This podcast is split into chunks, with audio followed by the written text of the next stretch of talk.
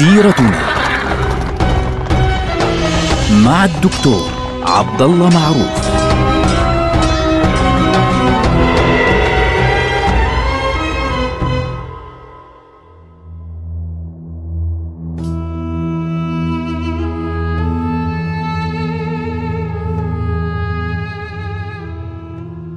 السلام عليكم ورحمة الله وبركاته.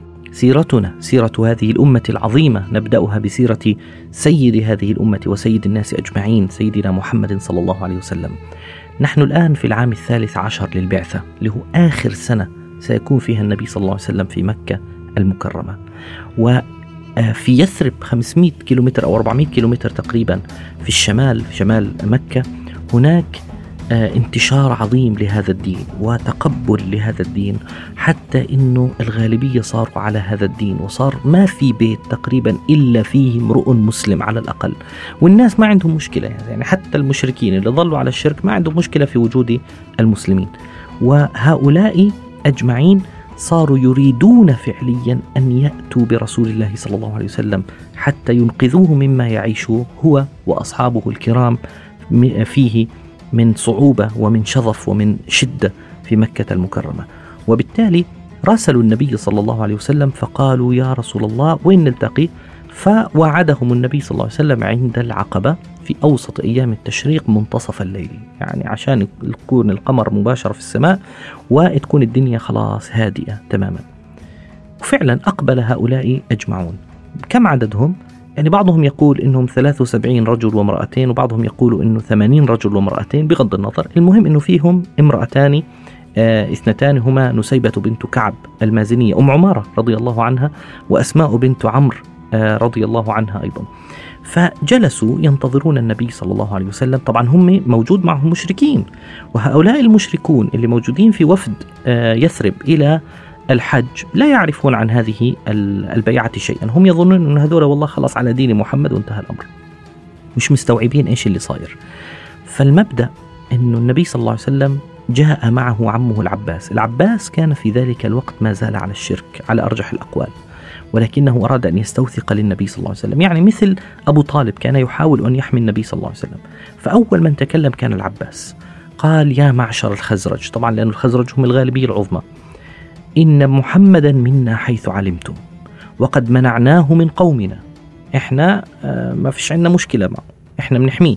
فهو في عز من قومه ومنعة من بلده. وإنه قد أبى إلا الانحياز إليكم واللحوق بكم. فإن كنتم ترون أنكم وافون له بما دعوتموهم إليه ومانعوه ممن خالفه فأنتم ما تحملتم. أنتم أحرار.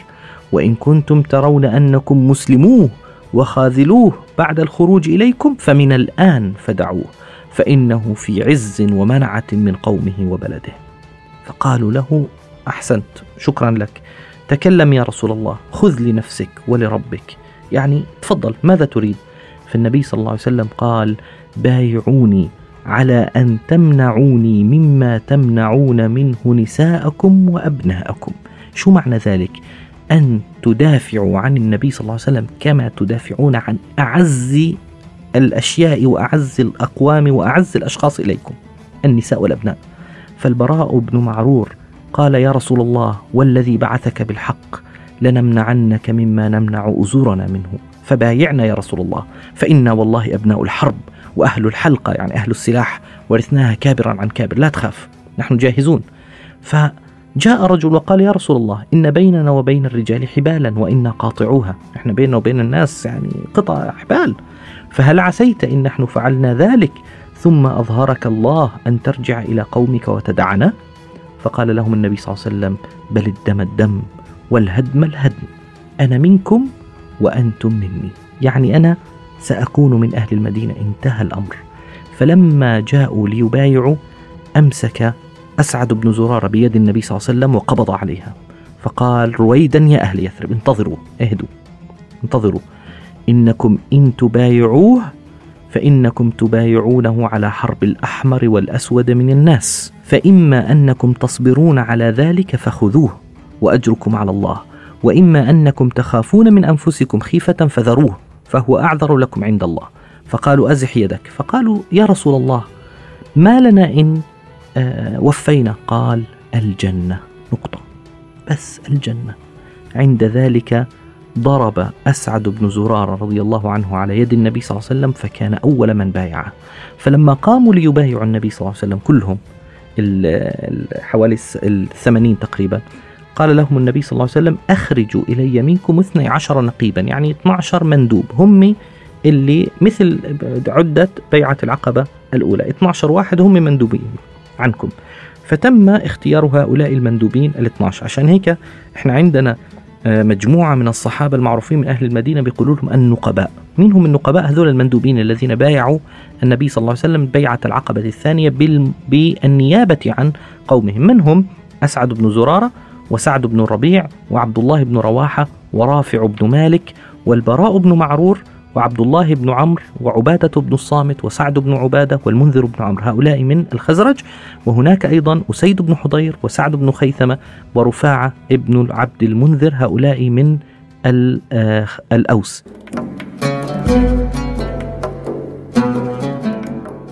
فبالتالي آه، بايعوا النبي صلى الله عليه وسلم فقال لهم رسول الله صلى الله عليه وسلم أنتم كفلاء قومكم. ككفالة الحواريين لعيسى بن مريم وأنا كفيل على قومي. لما حدث هذا الحدث إذا بصوت ما بنعرف من وين طلع. هل هو يعني المشهور أنه شيطان فعليا؟ سمع هذه الأحداث فالمهم أنه سمعوا صوت بصرخ بيقول يا أهل المنازل هل لكم في محمد والصباة معه قد اجتمعوا على حربكم؟ فالنبي صلى الله عليه وسلم قال هذا أزب العقبة هذا شيطان معروف. في العقبة. أما والله يا عدو الله لأفرغن لك. فقالوا له يا رسول الله والذي بعثك بالحق إن شئت لنميلن غدا على أهل الوادي بأسيافنا. بتحب أنه نبدأ الآن نقاتل وندافع ومش عارف إيه؟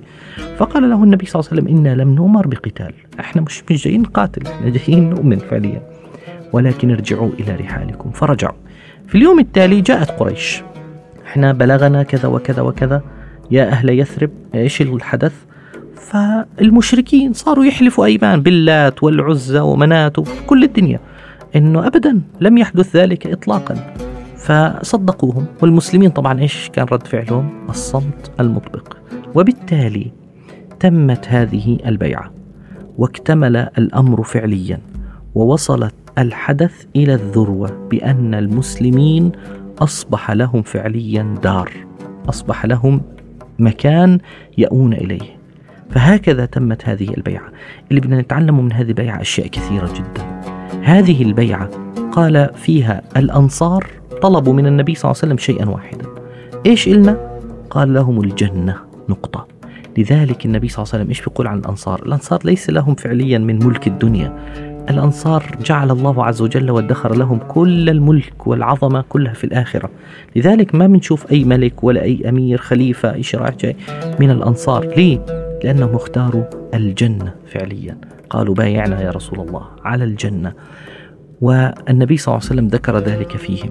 قال لا تزال الناس تكثر والأنصار تقل. طبعا معروف إنه الناس عادة بتكثر يعني القبيلة بتبدأ في يعني عدد بسيط دائما بتكثر بتكثر بتكثر إلا الأنصار. الأنصار إيه؟ تقل. يقول النبي صلى الله عليه وسلم لا تزال الناس تكثر والأنصار تقل حتى يكونوا كالملح في الطعام. طبعا الطعام بدون ملح بتاكلش لا يؤكل. وبالتالي الأنصار هكذا. يعني هم ملح هذه الأمة. اللي بيحلوا هذه الأمة وبيجعلوها فعليا أمة تعيش وتحيا. هؤلاء قوم قدموا كل ما عندهم مثل ما المهاجرين يعني هاجروا وطلعوا مرة على الحبشة وبعدين رجعوا وبعدين راحوا على الحبشة مرة ثانية وبعدين طلعوا. والآن بدهم يهاجروا على المدينة المنورة اللي هي اسمها في ذلك الوقت يثرب. الأنصار أيضا كانوا قوما عظماء. كانوا قوما قدموا لرسول الله صلى الله عليه وسلم كل ما يستطيعون وأعطوا لهذا الدين كل ما بقدرتهم وكل ما في أيديهم. هكذا كانت هذه البيعة. لذلك تسمى هذه البيعة إيه؟ بيعة الحرب بيعة العقبة الثانية. البيعة الأولى كان اسمها بيعة النساء البيعة الثانية اسمها بيعة الحرب بالرغم من إنه فيها نساء. ليه؟ لأنه فعليا كانت شروطها شروط القتال في سبيل الله والدفاع عن رسول الله صلى الله عليه وسلم. نلقاكم على خير. والسلام عليكم ورحمة الله وبركاته.